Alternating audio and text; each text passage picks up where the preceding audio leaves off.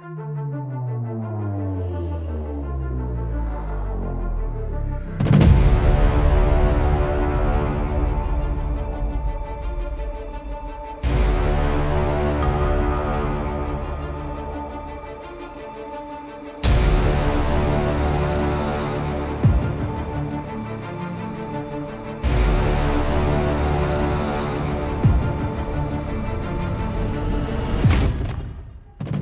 Cześć, witam na moim kanale.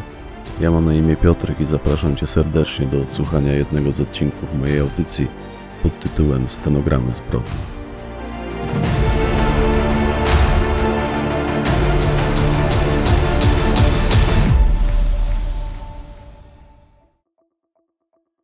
Olbrzym, część druga.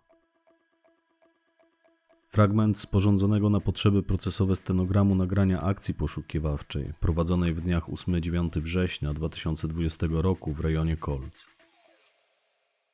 Szanowni Państwo, nazywam się Leszek Wrzosiński, będę jednym z koordynatorów tych poszukiwań z ramienia Komendy Miejskiej Policji w Wałbrzychu. Głównym koordynatorem, a właściwie koordynatorką jest stojąca tu obok mnie pani komisarz Widus z Komendy Wojewódzkiej Policji we Wrocławiu, która ze względu na ilość ciążących na niej obowiązków poprosiła mnie, bym ją w pewnych kwestiach wyręczył. W pierwszej kolejności chcieliśmy Wam wszystkim podziękować za przybycie. Wiem, że niektórzy zrezygnowali z urlopów, by wziąć udział w tej akcji. Dziękuję jeszcze raz, szczególnie w imieniu rodziców Denata. Zgodnie z wytycznymi, które powinny zostać Wam już przekazane przez Waszych bezpośrednich przełożonych, szukamy dziś śladów, które mogłyby pomóc nam rozwiązać sprawę tragicznego zgonu młodego, 19-letniego mężczyzny, mieszkańca Nowej Rudy. Jego okaleczone zwłoki znaleziono przed dziesięcioma dniami nieopodal miejsca, w którym się znajdujemy, natomiast wszystko wskazuje na to, że zmarł gdzie indziej, jak i kiedy indziej. Przede wszystkim musicie mieć na uwadze bezpieczeństwo swoje i osób idących obok Was. Przestrzegam, nie kopcie leżących na ziemi przedmiotów, nie podnoście, nie szarpcie ich. Ofiara zmarła w wyniku eksplozji ładunku wybuchowego, prawdopodobnie miny przeciwpiechotnej. To wciąż jest w fazie ustalania i obawiamy się, że w okolicy może niestety kryć się więcej podobnych niespodzianek. Podzielimy Was na cztery 20-osobowe grupy. Każda z nich zostanie skierowana w wybrany rejon, po którym poruszać się będziecie szpalerem, to znaczy rozciągnięci w rzędzie, w odstępach między poszczególnymi osobami w przedziale od 2 do 10 metrów, w zależności od charakterystyki przypisanego Wam terenu. Każda grupa będzie miała minimum dwoje koordynatorów, poznacie ich po białych opaskach na ramionach i zawieszonych na szyi aparatach. Należy ich bezzwłocznie powiadomić w momencie, gdy na coś natraficie. I przypominam, jeśli już się tak zdarzy, niczego nie podnoście. Zasygnalizujcie ten fakt krzycząc: Znalazłam, znalazłem i podniesieniem ręki. Ta informacja natychmiast powinna też zostać przekazana dalej, by dotrzeć do któregoś z koordynatorów, a ten niezwłocznie pojawi się przy Was w celu sprawdzenia, czy Wasze znalezisko należy do kategorii pożądanych. Jeżeli tak będzie, wówczas my się nim zajmiemy. Są tu z nami technicy policyjni, mamy pluton saperów z brzeskiej jednostki, którzy sprawdzą i profesjonalnie zabezpieczą każdy przedmiot. Waszym zadaniem jest wyłącznie przeczesywanie terenu i sygnalizowanie swoich znalezisk. Po raz kolejny przypominam, bo to szczególnie ważne, nie podnosimy z ziemi odnalezionych przedmiotów, przede wszystkim ze względu na to, by nie zostawić na nich swoich śladów. Mam na myśli odciski palców, jak również ślady zapachowe. Sygnalizujemy, czekamy aż zjawi się koordynator, następnie postępujemy według jego zaleceń. Dlaczego nie podnosimy, nie przestawiamy, nie kopiemy, niczego nie dotykamy? Wyobraźcie sobie Państwo, że wydobędziecie z ziemi worek czy też reklamówkę z ludzkimi szczątkami. Istnieje spora szansa, że zatrzecie tym samym ślady, które być może dla sprawy byłyby kluczowe. Chyba nie muszę mówić, co mogłoby grozić komuś, w przypadku gdyby przyszło mu do głowy kopnąć lub wyszarpać z ziemi jakiś niewypał czy niewybuch. Istnieje spore prawdopodobieństwo, że taka osoba podzieliłaby los ofiary. Dlatego jeśli natraficie na jakąś puszkę, butelkę, reklamówkę, worek lub cokolwiek innego, a w szczególności na coś nietypowego, czego kształtu nie rozpoznacie, przede wszystkim nie ruszajcie tego. Ewentualnie ostrożnie to obejrzyjcie, a jeśli dalej będzie wzbudzało to wasze podejrzenia, powiadomcie któregoś z koordynatorów. Jeśli zajdzie taka konieczność, to również mnie czy panią komisarz. Za chwilę podyktujemy wam nasze numery telefonów, tylko proszę nie dzwońcie do nas z każdą błahostką. Jeśli natraficie na coś istotnego, w pierwszej kolejności zasygnalizujcie to idącym najbliżej was kolegom z grupy. Postarajcie się też nie wchodzić w paradę psom tropiącym, bo w poszukiwaniach wezmą też udział cztery nasze psy. To zwierzęta specjalnie szkolone do poszukiwania zwłok, wyczulone na ich zapach. Jeśli jakiś z tych piesków zatrzyma się przed wami, zacznie sobie ryć w ziemi, zwyczajnie go omincie. Nie próbujcie tych psów głaskać, nie rozpraszajcie ich jakimś gwizdaniem pod nosem i tak bo podobnie jak wy, one też są na służbie. Wspominam o tym, bo zdarzało się, że w podobnych poszukiwaniach brali udział ochotnicy i nasze psy nieoczekiwanie chyba dla wszystkich stały się jakąś dziwnie pożądaną atrakcją. Doszło kiedyś do tego, że jeden z nich ugryzł pewną delikwentkę w rękę. Skończyło się na szczęście tylko na niegroźnym zadrapaniu i zawstydzonej minie. Więc, będąc z doświadczenia przezornym, zawczasu was uczulam. Aczkolwiek z tego co mi wiadomo, wszyscy Państwo wywodzicie się ze służb. Przypuszczam więc, że wiecie, jak należy się zachować. Szanowni Państwo, mamy ten komfort, iż nie szukamy potencjalnie żywej osoby, więc czas goni nas nieszczególnie. Co prawda wciąż istnieje podejrzenie, że Denatowi w momencie jego zgonu ktoś towarzyszył, że ten ktoś ucierpiał podobnie jak on, ale ze względu na czas, który upłynął od tamtego momentu, nie spodziewamy się znaleźć tej osoby żywej. Czego więc właściwie szukamy? Otóż w szczególności kolejnych możliwych zwłok ludzkich lub ich szczątków, jak również szczątków kończyn denata, to znaczy fragmentów ręki i obu nóg, których odnalezienie mogłoby przyczynić się do późniejszego odtworzenia całości tych tragicznych wydarzeń, a także wszystkiego, co mogłoby wiązać się z tą sprawą, między innymi możliwego miejsca eksplozji, czy chociażby śladów obuwia, o takim kształcie, jaki widnieje na tym zdjęciu. Spójrzcie sobie Państwo na to zdjęcie. Ten ślad, a raczej odcisk podeszwy buta, został ujawniony na miejscu znalezienia zwłok Denata i wytypowany jako możliwy odcisk obuwia świadka lub sprawcy. Wszystko zależy jeszcze od tego, jakie w tej sprawie padną zarzuty. Przyjrzyjcie się dokładnie, to mocno charakterystyczny ślad. Jeśli macie przy sobie telefony, zróbcie sobie teraz zdjęcie tego zdjęcia. Być może komuś z Was uda się trafić na podobne ślady. Szukamy też oczywiście śladów krwi. Na szczęście w ostatnich tygodniach niewiele padało. Być może ślady te wciąż się zachowały na jakiejś stercie liści, na kamieniu albo też pniu jakiegoś drzewa. Zakrzepła krew na liściach, to byłaby dzisiaj brunatno-czarna plama. Nie czerwona, na co was uczulam, i takich też szukajcie. W razie czego wiecie już kogo powiadomić. Dodatkowo szczególną uwagę zwróćcie na możliwe porzucone elementy odzieży, czy też jej fragmenty, na przedmioty osobiste, takie jak telefon komórkowy, nóż, scyzoryk, zapalniczka, cokolwiek, czym posługuje się w codziennym życiu człowiek. Zaglądajcie nad, do i pod. Jeśli natraficie na jakiś głęboki rów, dziurę, studzienkę, jaskinię, wejście do sztolni, nie wchodźcie tam sami, nie ryzykujcie zdrowia i życia. Powiadomcie o tym koordynatorów. Jesteśmy w posiadaniu sprzętu, który pozwoli nam bezpiecznie zajrzeć do każdego miejsca. Zresztą jesteśmy też w kontakcie z karkonoskim Goprem i w dowolnej chwili możemy sprowadzić ich sobie do pomocy. Każdy ślad, podobnie jak przedmiot i każde potencjalnie ważne dla dalszego postępowania miejsce, musi zostać szczegółowo zewidencjonowane i odznaczone na mapie. Podpowiem Państwu jeszcze na co i jak patrzeć. Przede wszystkim patrzcie pod nogi, ale starajcie się też rozglądać na boki w zasięgu swojego wzroku. Nie musicie zwracać uwagi jedynie na niebo, gdzie nad waszymi głowami będą krążyć cztery nasze drony. Jeśli któryś obniży pułap, postarajcie się nie wchodzić z nim w możliwą interakcję. Grozi to bolesnym uszkodzeniem ciała. No i drona oczywiście. Aczkolwiek to mało prawdopodobne, bo drony mają zostać skierowane w inne rejony, bardziej odległe, mówiąc ściślej, spenetrują z lotu ptaka okoliczne górskie szczyty. Mijając rosnące na trasie waszych poszukiwań drzewa, przyjrzyjcie im się z każdej strony. Zróbcie to, wodząc po nich wzrokiem przynajmniej do wysokości was samych. Mogło być bowiem tak, że ktoś transportował zwłoki Denata na swoich barkach. Mógł przy tym zahaczyć nim o jakąś gałąź, o konar lub też samo nie zahaczył.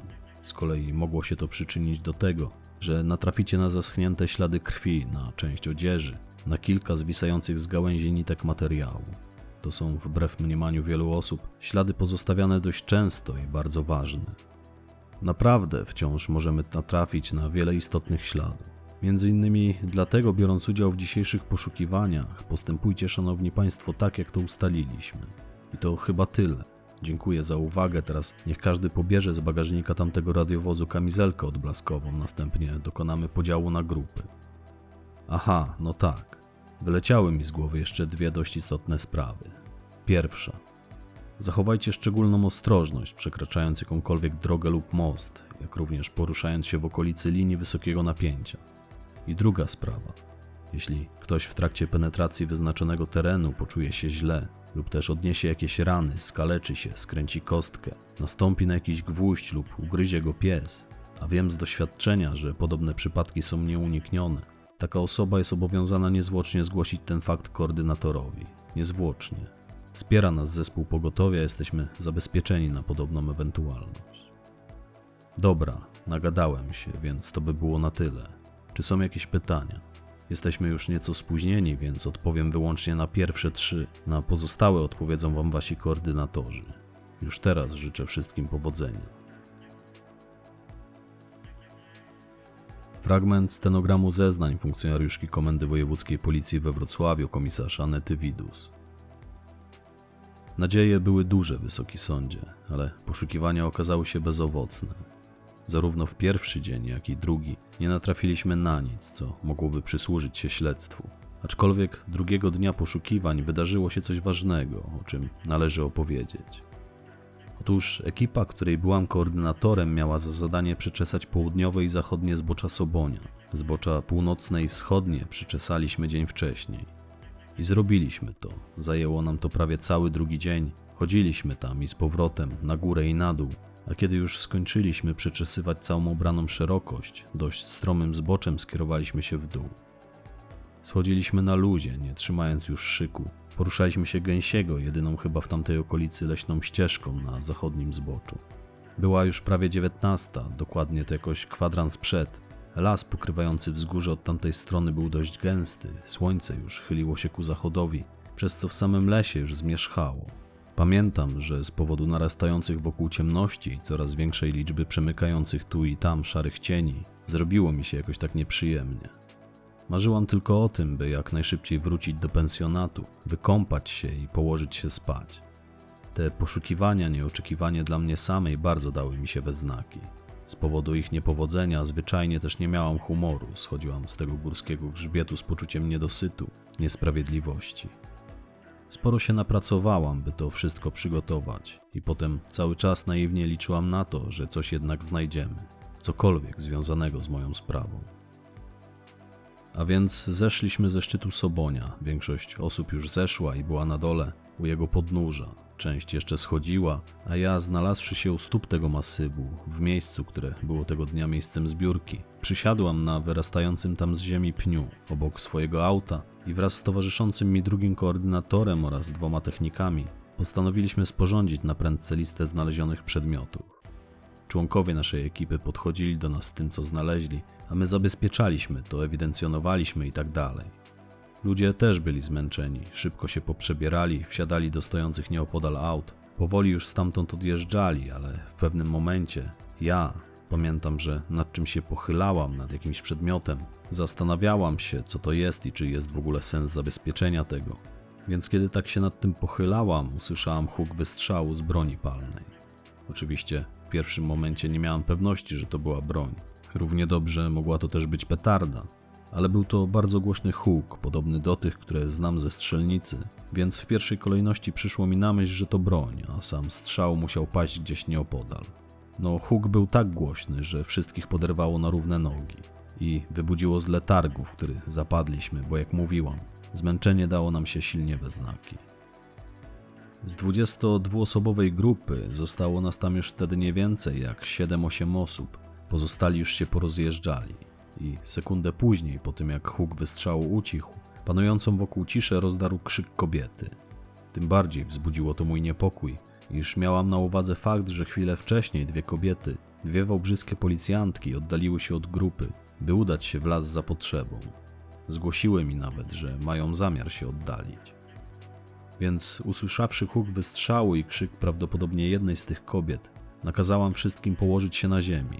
Podobnie jak towarzyszący nam wtedy funkcjonariusz Wrzosiński wyjąłam pistolet, który miałam przy sobie. Oboje przez moment kryliśmy się za drzewami, potem wolno ruszyliśmy w kierunku, z którego dobiegł do naszych uszu kobiecy krzyk. Przebrnąwszy przez pobliskie zarośla, szybko natrafiliśmy na chowające się za opasłym drzewem dwie na śmierć wystraszone młode kobiety, te, które odłączyły się od naszej grupy. Rozpytane, co się stało, stwierdziły, że spotkały na swojej drodze uzbrojonego w strzelbę mężczyznę. Wdały się z nim w jakąś niepotrzebną dyskusję, miał on próbować przegonić je z lasu, a w pewnym momencie odbezpieczył broń i oddał strzał w powietrze. One nie miały przy sobie służbowej broni. Na poszukiwania z reguły nie zabiera się jej, by jej nie zgubić. Niezwłocznie skontaktowaliśmy się z pozostałymi koordynatorami. Większość z nich również wywodziła się z policji. Ci natychmiast zebrali swoich ludzi i ruszyli nam z pomocą. Jeszcze w rozmowie przez radio postanowiliśmy, że podejmiemy się poszukiwań człowieka z bronią. Ale zanim oni do nas dotarli, ja z Wrzosińskim natrafiliśmy na sprawcę tego zamieszania. Już chwilę później. Bo postanowiliśmy nie czekać. Szczególnie ja na to nalegałam. Ów mężczyzna ze strzelbą, a dokładnie ze sztucerem, jak się potem okazało, nie zdołał oddalić się zbyt daleko. W sumie to chyba wcale nie próbował się stamtąd oddalić. Zauważyliśmy go, gdy po prostu stał u podnóża Sobonia, na polanie, jakieś 50-70 metrów od naszego miejsca zbiórki. Stał i się rozglądał. Pamiętam obraz jego sylwetki na tle zalesionego wzgórza. I miał przy sobie myśliwski sztucer. Akurat wtedy, gdy go dostrzegliśmy, spoczywał on zawieszony na jego plecach. Ten mężczyzna nie był szczególnie zaskoczony ani widokiem nas, ani wycelowanych w siebie pistoletów. Nie reagował na komendy, odmówił złożenia broni. I nie wiedzieliśmy, co z nim zrobić, czy potraktować go jak uzbrojonego bandytę, czy jak. Ja osobiście odniosłam wrażenie, że to był po prostu jakiś zbłąkany myśliwy. On był ubrany w strój myśliwego, w kurtkę i spodnie z kamuflażem. Na głowie miał też czapkę z daszkiem w tym samym kamuflażu co kurtkę. Ale jak się potem okazało, bo zaraz też dotarło do nas wsparcie z innych ekip, jeden z mężczyzn, który wtedy przyszedł nam z pomocą, to był miejscowy, jakiś urzędnik z urzędu miasta w Walimiu i on znał tego człowieka. Zresztą noworódcy policjanci też go znali. W każdym razie to był zapalony myśliwy, ale akurat w tamtym momencie nie brał udziału w żadnym polowaniu. To był ten osławiony pułkownik, wysoki sądzie. Ten, którego temat okoliczni mieszkańcy woleli pomijać, przemilczeć. Dopiero po rozmowie z tym urzędnikiem, z którym najwidoczniej dobrze się znał, bo tam zaraz zbiegło się sporo ludzi, mężczyzna zgodził się położyć sztucer na ziemi, ale i tak nie pozwolił się wylegitymować. Stwierdził, że nie ma przy sobie dokumentów, znaleziono je przy nim dopiero później na komisariacie, dokąd go zabrano i gdzie poddano go kontroli osobistej. Miał ogromne pretensje w związku z powyższym. Ogólnie był strasznie roszczeniowy, opryskliwy. Krzyczał, że znaleźliśmy się na jego terenie, że mamy wypierdalać. Jak już wspomniałam, zatrzymaliśmy go wtedy, mimo że były naciski z komendy, by tego nie robić. Ale on mnie wtedy wulgarnie nawyzywał, wysoki sądzie, a ja sobie obiecałam, że mu tego nie daruję. Podobnie jak i tego, że śmiertelnie nas wszystkich wystraszył, w szczególności te dwie młode kobiety.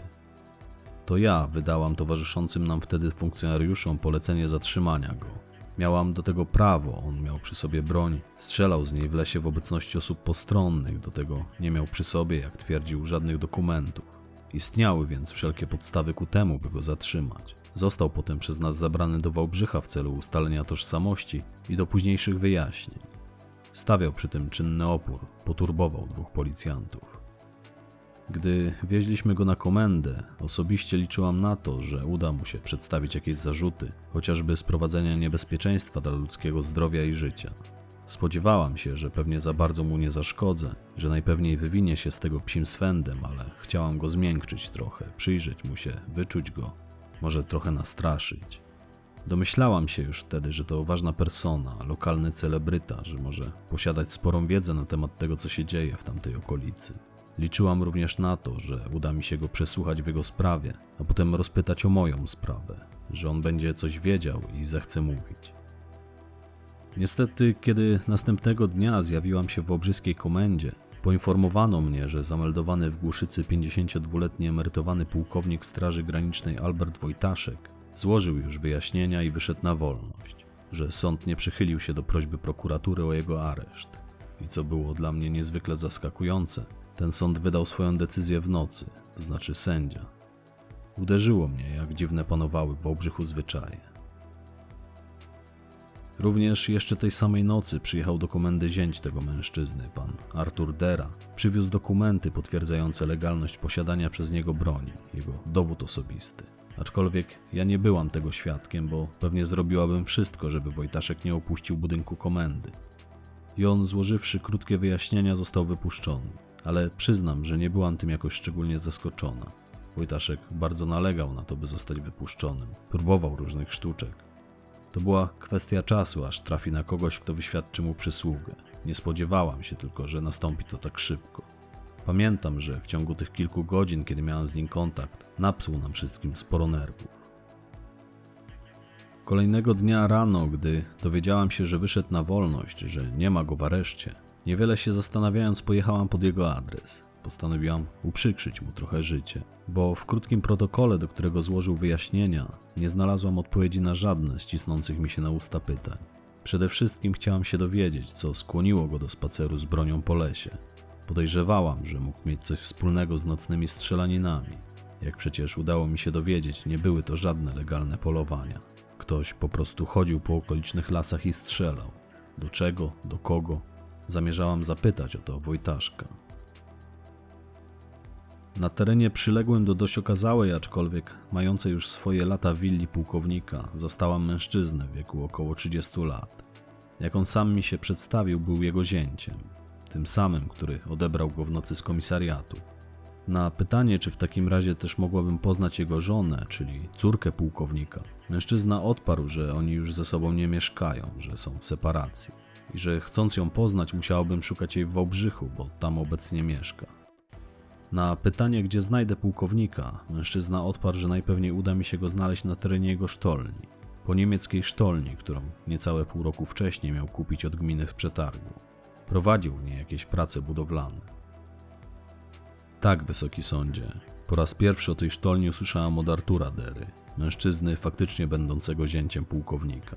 O dziwo, był wówczas bardzo rozmowny, szczery, rzekłabym, że wylewny. Sporo się od niego dowiedziałam. Mimo, że widziałam go po raz pierwszy, zaproponował, że zawiezie mnie w miejsce, o którym mi opowiedział, bym sama mogła porozmawiać z pułkownikiem. To było miłe z jego strony. Powiedział, że akurat się tam wybiera i mogę się z nim zabrać. Zgodziłam się pojechać tam z nim do tej sztolni. Miał tam przybywać Wojtaszek i liczyłam na to, że jeśli zobaczy mnie w towarzystwie swojego zięcia, to będzie bardziej skłonny do rozmowy. Niestety nic bardziej mylnego. Zaparkowaliśmy na niewielkiej polanie u stóp Sobonia, nieopodal miejsca, gdzie dzień wcześniej miała miejsce cała ta akcja z zatrzymaniem agresora z bronią, czyli właśnie Wojtaszka. Weszłam z jego zięciem, to znaczy ze świadkiem Arturem Derą do lasu. Poruszając się w górę wzniesienia, już po chwili doszliśmy do ruin poniemieckich bunkrów, a raczej do tego, co z nich pozostało.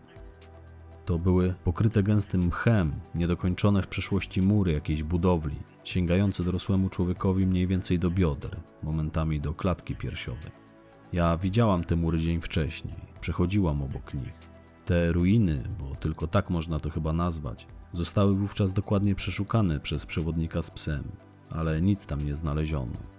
I zaraz za tymi murami, bunkrami, czy jak to tam zwał, bo one w pewnym momencie się kończyły, zaraz za nimi zaczynało się strome wzgórze. To był Soboń właśnie. A te ruiny to miała być niegdyś wartownia strzegąca dostępu do tej właśnie góry.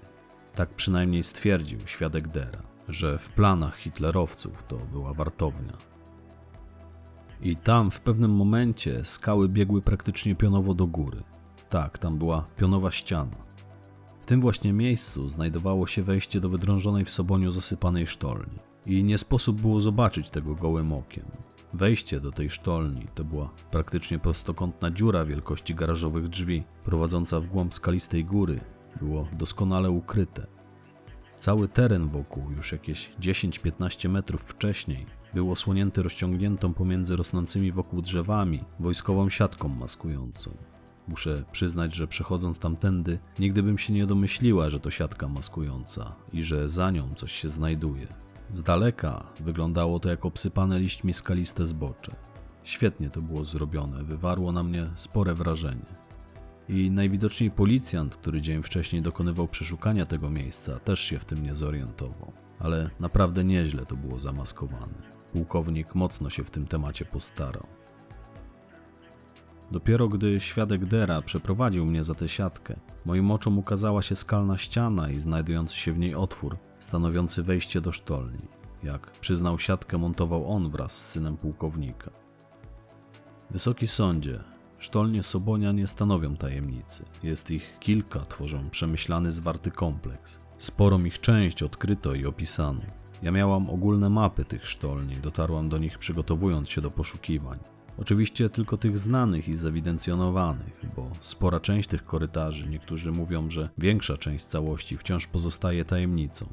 I tak się złożyło, że akurat tego wejścia, tamtej sztolni, nie było na żadnych mapach. To było nowo odkryte wejście, nieznane jeszcze od nogi tamtejszych korytarzy. W sumie, jak dowiedziałam się z opowieści świadka Dery, zostały one odkryte kilka miesięcy wcześniej przez samego pułkownika. Do tego czasu też ponoć pozostawały doskonale zamaskowane, ale nie siatką, w jakiś inny sposób. Kiedy podeszliśmy w pobliże tego wejścia, tam była usypana wielka góra gruzu, znaczy odłamków skalnych. W jej pobliżu stała taka mała ładowarka na gąsienicach. W sumie to był chyba również jakiś taki spychacz, który widocznie służył do porządkowania tamtejszego terenu. Więc kiedy podeszliśmy do wejścia, świadek Dera wyjął z kieszeni komórkę. Przez chwilę z kimś rozmawiał, a po jakichś dwóch minutach z korytarza sztolni wyszedł do nas znany mi już mężczyzna. Wojtaszek właśnie. Niestety nie wykazał żadnej woli współpracy. To, co mi powiedział, gdy mnie zobaczył, nie nadaje się do cytowania. W każdym razie w żołnierskich słowach stwierdził, że to jego teren, on nic nie musi, ja mam się stamtąd wynieść i przestać go nachodzić. I przyznam, że poszłam stamtąd jak zmyta, no bo co innego mogłam zrobić. Dera, zięć Wojtaszka, proponował, że mnie odwiezie, ale stwierdziłam, że nie trzeba, że się przejdę. Postanowiłam wrócić do pensjonatu w Głuszycy pieszo. Z Kolc to było jakieś 4 kilometry, więc mój spacer miał mi zająć około 3 kwadransów. Ale nie zajął. Kiedy po wyjściu z lasu znalazłam się na poboczu drogi, zatrzymał się obok mnie samochód. Czarny Jeep Wrangler. Za jego kierownicą siedziała sympatyczna brunetka, która zaproponowała, że mnie podwiezie. W ten sposób poznałam córkę pułkownika, wysoki sądzie. Fragment zeznań świadka Beaty Wojtaszek-Dery. Kiedy w Głuszycy rozniosły się słuchy o tym, że za sprawę śmierci Krzyśka Bendy ktoś się w końcu wziął na poważnie, że w kolcach rozpytuje o niego jakaś policjantka, nie będąca na usługach wałbrzyskich komendantów i prokuratorów, czyli de facto nie trzymająca ręki m.in. w kieszeni mojego ojca, to ja na wieść o tym odetchnęłam z ulgą. Naprawdę. Znałam Krzyśka Wysoki Sądzie. Był przyjacielem mojego młodszego brata i jego los nie był obojętny również mnie. Tak, znałam Krzyśka. Spotykał się z moim bratem przynajmniej przez kilka lat. Byli przyjaciółmi, w przeszłości chodzili razem do szkoły. Razem eksplorowali sobie górskie sztolnie, byli zapaleńcami, jak sami o sobie mówili, poszukiwaczami skarbów. Robili to nielegalnie, ale cóż, nie sposób było im tego zabronić. To mój ojciec, Albert Wojtaszek, zaraził Krzyśka tą pasją. Pasją odkrywania na naszych ziemiach hitlerowskich tajemnic. Skoro już sąd o to pyta, to powiem jak to jest. Ja odeszłam od swojego męża. On dość szybko po ślubie się zmienił. Już w dwa lata po ślubie nie wspominał ani słowa o uczuciu do mnie, natomiast cały czas mówił o interesach z moim ojcem, bo ojciec miał smykałkę do interesów. Ludzie też go lubili. Kiedyś, potem było już nieco inaczej. Im więcej miał pieniędzy i znajomości, tym mniej był lubiany. Widocznie w jakimś stopniu sobie na to zasłużył. Więc w pewnym momencie odeszłam od męża. Żyliśmy w separacji. On zajmował nasz dawny dom w Kolcach, aczkolwiek z tego co mi wiadomo, najczęściej przebywał w willi moich rodziców w Głuszycy. Widocznie interesy z moim ojcem tego wymagały, żeby stale mieli ze sobą kontakt. Artur stał się takim jego chłopcem na posyłki, chłopcem od brudnej roboty. Jak mój ojciec tylko wspomniał jego imię, to ten biegł do niego z wywalonym jęzorem. Między innymi dlatego od niego odeszłam. Nie mogłam już znieść jego służalczego charakteru. Pewnie też dlatego przesiedywał w moim rodzinnym domu, żeby być na każde skinienie mojego ojca. Tych ich ciągłych interesów, interesików, tego kupowania ziemi, sprzedawania, tego handlu działkami rolnymi i budowlanymi, węglem i czym tylko się da, tymi przetargami, ja miałam tego podziurki w nosie. bo mój były mąż wymyślił sobie wysoki sądzie, ubzdurał wręcz, że przed czterdziestką będzie milionerem.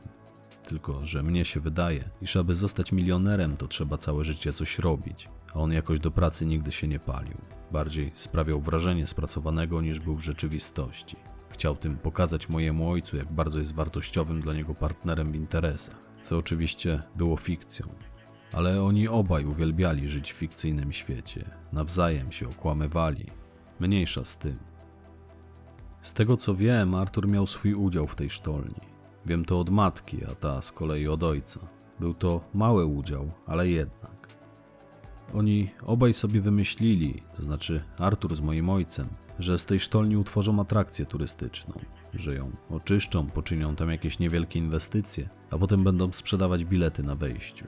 Nie mam złudzeń, że liczyli na szybki zarobek, bo jak życie pokazuje, to jest świetny interes. Wystarczy spojrzeć, ilu klientów mają podobne atrakcje w okolicy. Pamiętam moment znalezienia przez nich wejścia do tej sztolni, bo ono było zasypane, ukryte. Ojciec trafił na nie zupełnie przypadkiem, aczkolwiek bardziej skłaniałabym się ku wersji, że to mój brat znalazł tę sztolnię. Artur zadzwonił wtedy do mnie, my jeszcze wtedy byliśmy małżeństwem. Próbowaliśmy jeszcze ratować to, co nas łączyło.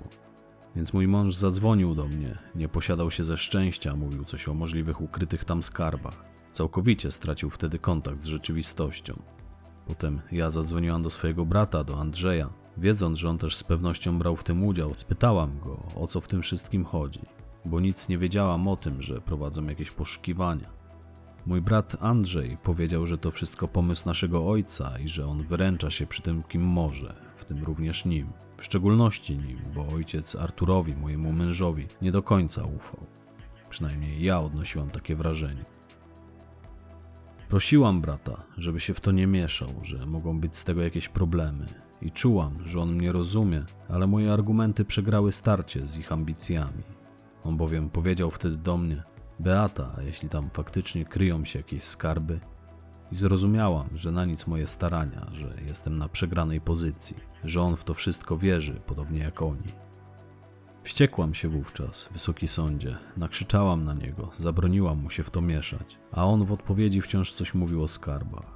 Próbowałam potem przekonać matkę, aby ona jakoś na niego wpłynęła. Szkoda mi go było, bo wiedziałam, że mój mąż z moim ojcem tylko go wykorzystają. Jego i tego jego kolegę Krzyśka będę, który też tam się z nimi plątał. Ci chłopcy żyli marzeniami o poniemieckich skarbach, a mój ojciec potrafił to wykorzystać. Ale moja matka też od zawsze była pod wpływem mojego ojca. Wiem, że nie zrobiła nic, by późniejszym tragediom zapobiec. Można powiedzieć, że stała z boku i wszystkiemu się przyglądała. Nie potrafię jej tego wybaczyć.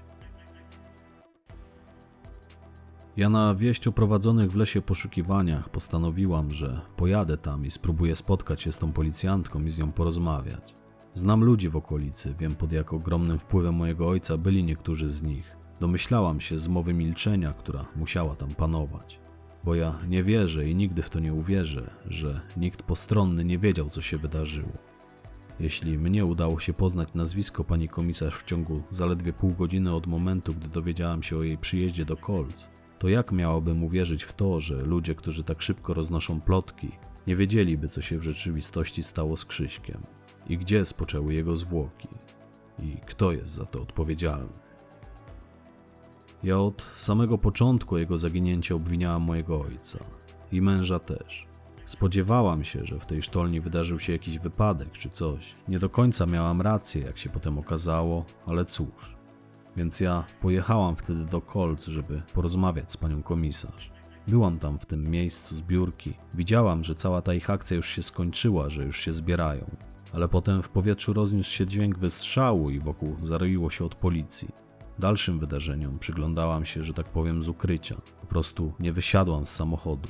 Kiedy zobaczyłam mojego skutego kajdankami ojca, którego policjanci prowadzili do radiowozu, postanowiłam w ogóle się tam nie pokazywać. Uznałam, że to nie najlepszy moment. Na szczęście udało mi się trafić na panią komisarz kolejnego dnia. Pojechałam do pensjonatu, w którym miała zamieszkiwać, ale tam powiedziano mi, że opuściła pensjonat samego rana. Kręciłam się więc w okolicy sztolni ojca. Spodziewałam się, że być może tam właśnie na nią trafię. I przeczucie mnie nie zmyliło pewnym momencie ujrzałam ją, jak wyszła z lasu. Była ubrana w zielony płaszcz przeciwdeszczowy, bo z nieba siąpił deszcz. Znalazłszy się na drodze, otrzepała buty z błota i ruszyła w stronę Głuszycy. Postanowiłam podjechać do niej, sprowokować rozmowę i powiedzieć jej, co ja o tym wszystkim myślę. Zrobiłam to dlatego, Wysoki Sądzie, że miałam już dość tego przedstawienia, a najbardziej zależało mi na tym, by poznać los mojego brata. Mój kontakt z nim urwał się mniej więcej w tym samym momencie, kiedy zaginął Krzysiek Benda. Tak, urwał mi się wtedy z bratem wszelki kontakt, a kiedy pod cmentarzem znaleziono zwłoki Krzyśka, ogarnęła mnie panika, że podobny los mógł spotkać Andrzeja. Próbowałam wyciągnąć od ojca jakieś informacje na jego temat, ale ten powiedział tylko, że Andrzej pojechał do pracy do Niemiec i że wróci za kilka tygodni. Nie miałam podstaw, by mu nie wierzyć, ale czułam, że kłamie. Weszłam kiedyś na teren willi rodziców. Chciałam zobaczyć się z bratem pod pretekstem spotkania z matką, ale ojciec z moim byłym mężem wygonili mnie.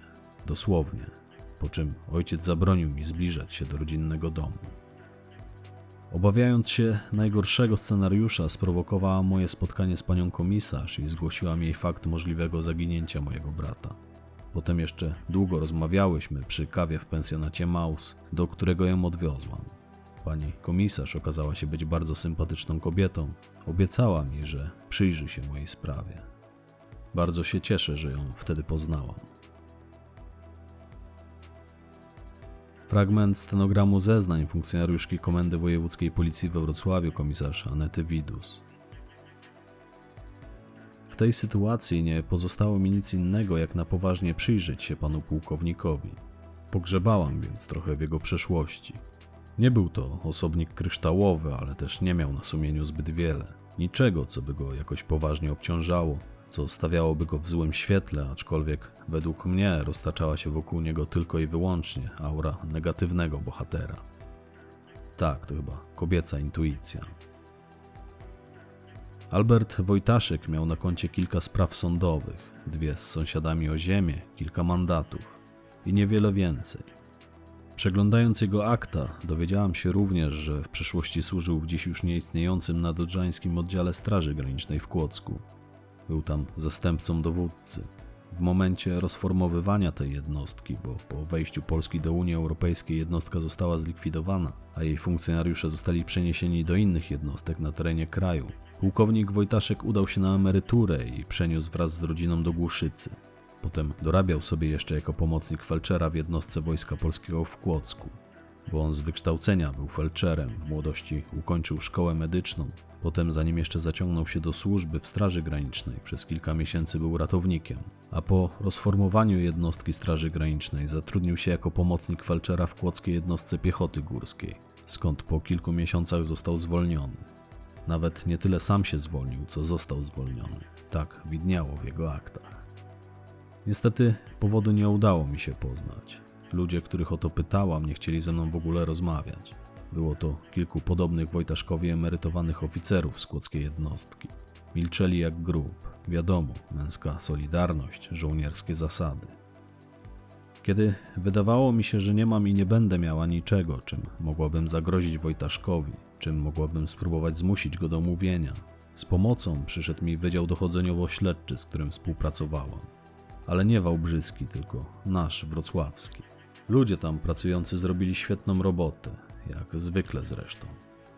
Otóż kierownik dochodzeniówki, mój dobry zresztą znajomy, wpadł na pomysł, na który z ochotą przystałam, by zamieścić na kilku portalach ogłoszenie, w którym anonimowy oferent, w tym wypadku my, to znaczy policja, wystawił na sprzedaż dużą ilość specyfiku.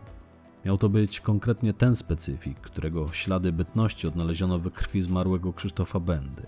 To miało nam pomóc zorientować się w popycie na niego. Chcieliśmy sprawdzić, czy ktokolwiek będzie zainteresowany jego kupnem.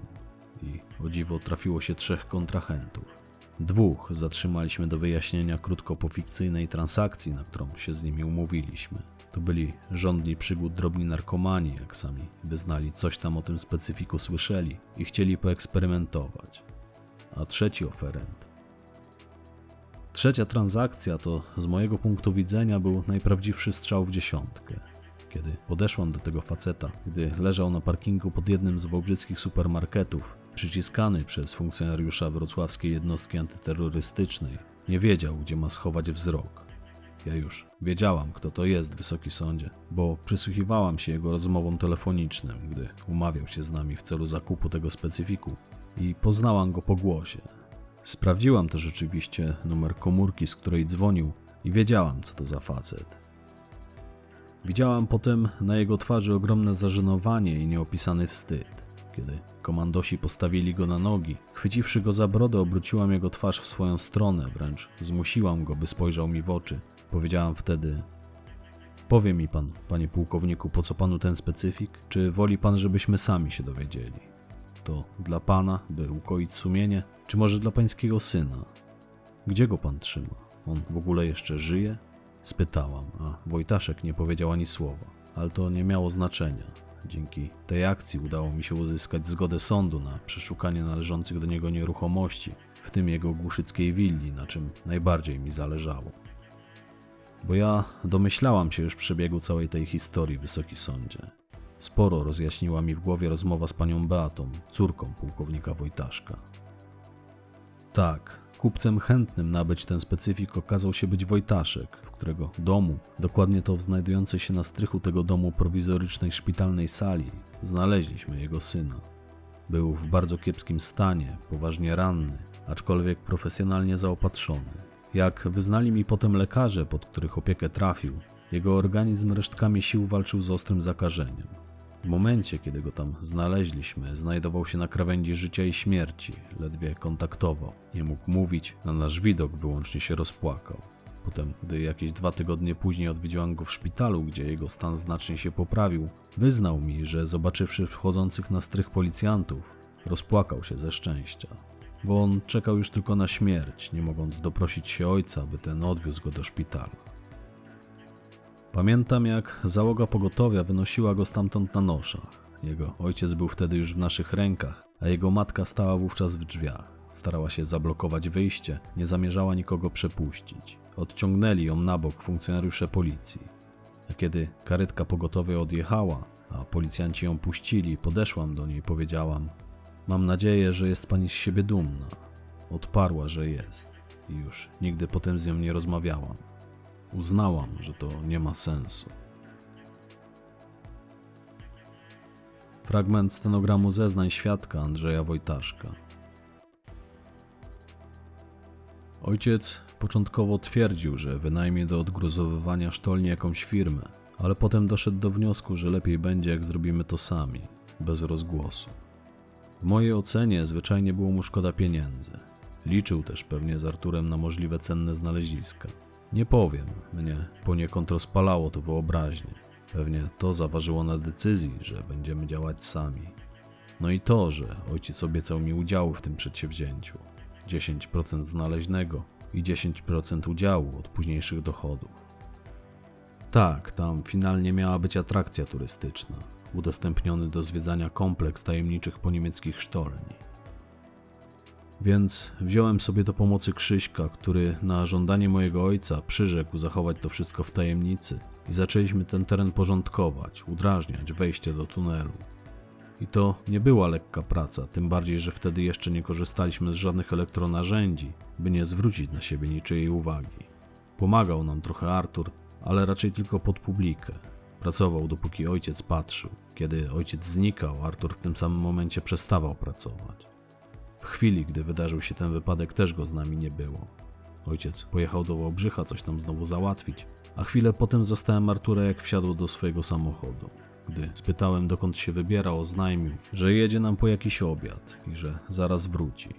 Kłamał jak zwykle, bo pracowaliśmy z Krzyśkiem przez kolejne półtorej godziny, a on się w tym czasie nie pojawił. Niewiele z tego pamiętam, wysoki sądzie.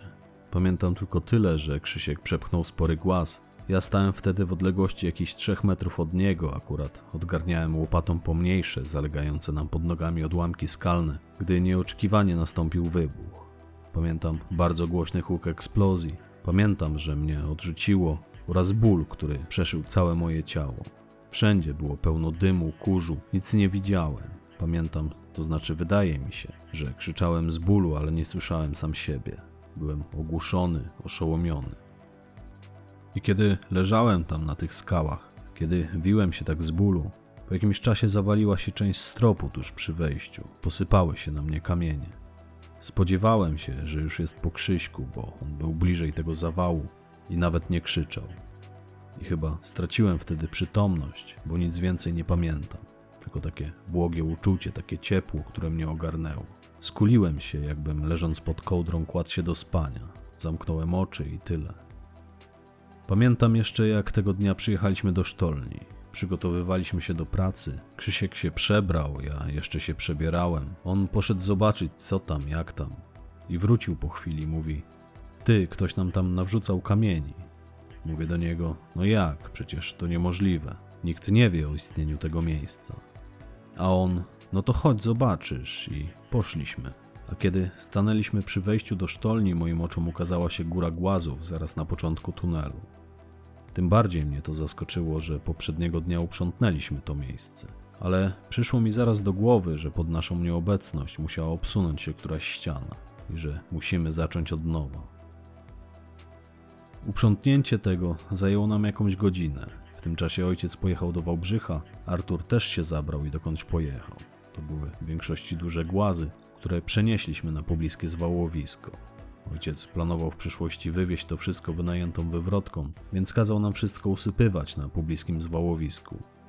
Jak nosiliśmy z Krzyśkiem tamte głazy, to miałem wrażenie, że już je kiedyś widziałem, to znaczy, że już je kiedyś nosiłem. A przynajmniej kilka z nich, bo one były duże, charakterystyczne. I nosząc je, poczułem, że mam déjà vu. Mówię, wydawało mi się, że już je wcześniej uprzątnęliśmy, wynieśliśmy kiedyś na gruzowisko.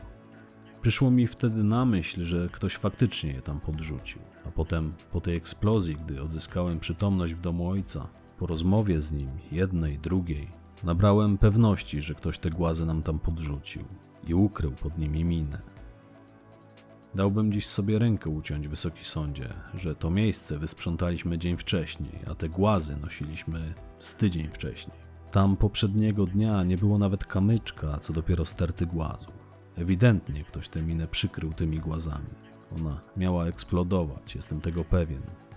Ojciec też był tego pewien, Artur też. Fragment stenogramu zeznań funkcjonariuszki Komendy Wojewódzkiej Policji we Wrocławiu, komisarz Anety Widus. Analiza szczątków miny, której eksplozja była przyczyną tragedii obu mężczyzn i śmierci Krzysztofa Bendy, wykazała, że była to mina przeciwpiechotna typu S, dokładnie SMI-35, używana przez Niemców w okresie II wojny światowej. Ślady środka do usuwania rdzyna i elementach konstrukcyjnych i oleju przemysłowego, którym naoliwiono mechanizm zapalnika dowodziły, że krótko przed tym zanim zginął Krzysztof, została ona przez kogoś starannie odrestaurowana. Tak, wysoki sądzie, ktoś tę minę prawdopodobnie wydobył z podziemi, potem umiejętnie rozebrał i pieczołowicie odtworzył mechanizm zapalnika. Tak, w mojej ocenie Krzysztof Benda zginął w wyniku zaplanowanego zamachu, aczkolwiek miało to wyglądać wyłącznie na nieszczęśliwy wypadek. Ofiarami tego zamachu miały najprawdopodobniej paść osoby, którym zależało na przedostaniu się do sztolni. Wyniki ekspertyzy miny dotarły do mnie w momencie, gdy byłam już po pierwszych przesłuchaniach pułkownika Wojtaszka i jego zięcia Artura Dery.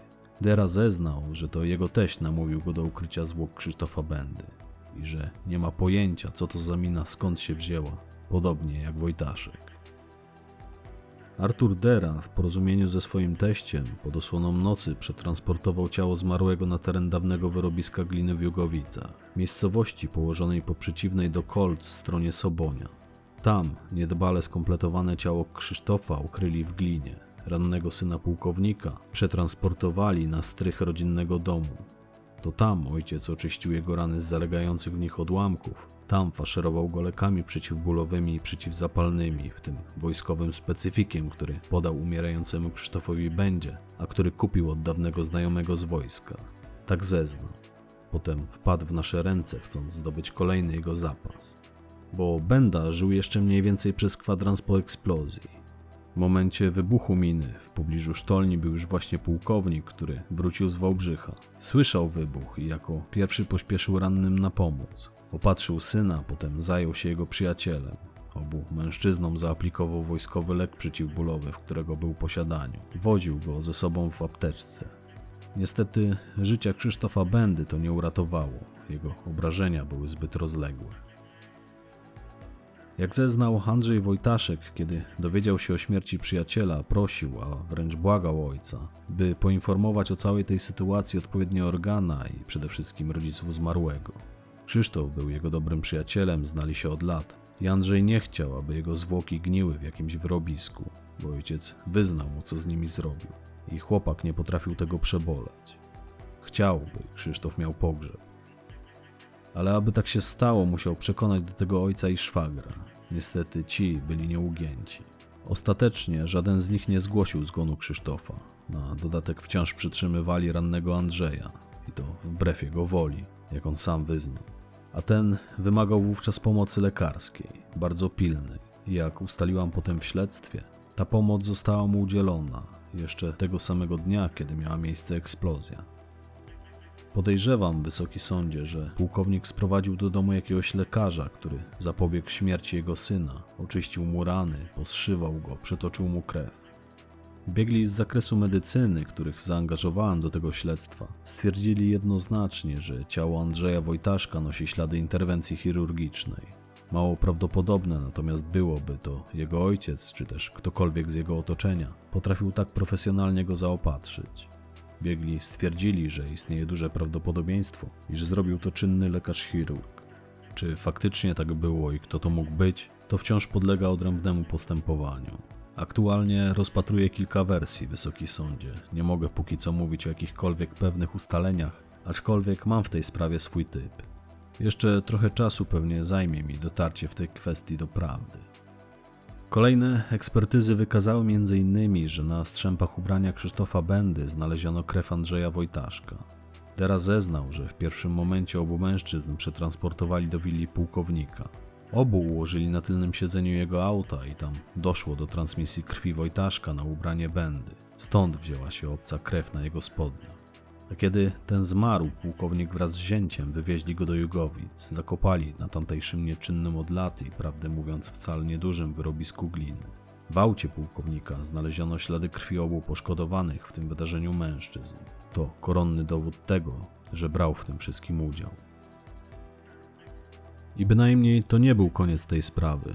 Od tamtego bowiem momentu, Wysoki Sądzie, moim zadaniem było podjęcie się próby wyjaśnienia, kto stał za tym zamachem. Początkowo nie wiedziałam od czego zacząć i na kogo postawić. Wojtaszek zarzekał się, że to nie on. I mnie też wydawało się, że nie miałby powodu czyhać na życie syna. Wciąż też pozostawała niewyjaśnioną jeszcze kwestia taka, po co spacerował po lesie z bronią i jeśli to on strzelał, to do kogo? I w jaki sposób zwłoki Bendy znalazły się na cmentarzu? To znaczy, kto wydobył je spod gliny i tam przetransportował? Bo Wojtaszek uparcie twierdził, że to nie on. Jego zięć również się tego wyrzekał. Mimo, że sprawa wydawała się być rozwiązana, było jeszcze sporo pytań, na które musiałam znaleźć odpowiedź. Pamiętam, jak kilka dni po przedstawieniu przez prokuratora obu mężczyznom wstępnych zarzutów w związku z tą sprawą, ja akurat byłam w komendzie we Wrocławiu, sporządzałam dla sądu jakieś papiery, zadzwonił mój telefon. Na wyświetlaczu widniał numer Leszka Wrzosińskiego, policjanta z Wałbrzycha, który pomagał mi w tym śledztwie z ramienia wałbrzyskiej komendy. On akurat tego dnia miał podjąć się poszukiwań brakujących szczątków ciała Krzysztofa Bendy. Wciąż szukaliśmy bowiem jego nóg i ręki. Na szczęście byliśmy już w posiadaniu zeznań obu oskarżonych, którzy wyznali, gdzie pierwotnie ukryli jego zwłoki. I w tym właśnie celu aspirant Wrzesiński wraz z ekipą kilku wałbrzyskich policjantów udał się do Jugowic, na wskazane przez oskarżonych wyrobisko gliny. Wzięli ze sobą wykrywacze metalu i łopaty. I to było jakoś chwilę po południu. Zadzwonił do mnie wtedy, powiedział: Wracaj tu do nas, Aneta. Pytam się go, po co? Znaleźliście coś ciekawszego niż to, czego szukaliście? Może faktycznie jakieś poniemieckie skarby, złoty pociąg czy coś takiego? Tak sobie wtedy zażartowałam. A Wrzesiński mi na to. Znaleźliśmy, Aneta. Cztery kolejne ciała. Bierz ekipę i przyjeżdżaj. Czekamy tu na ciebie.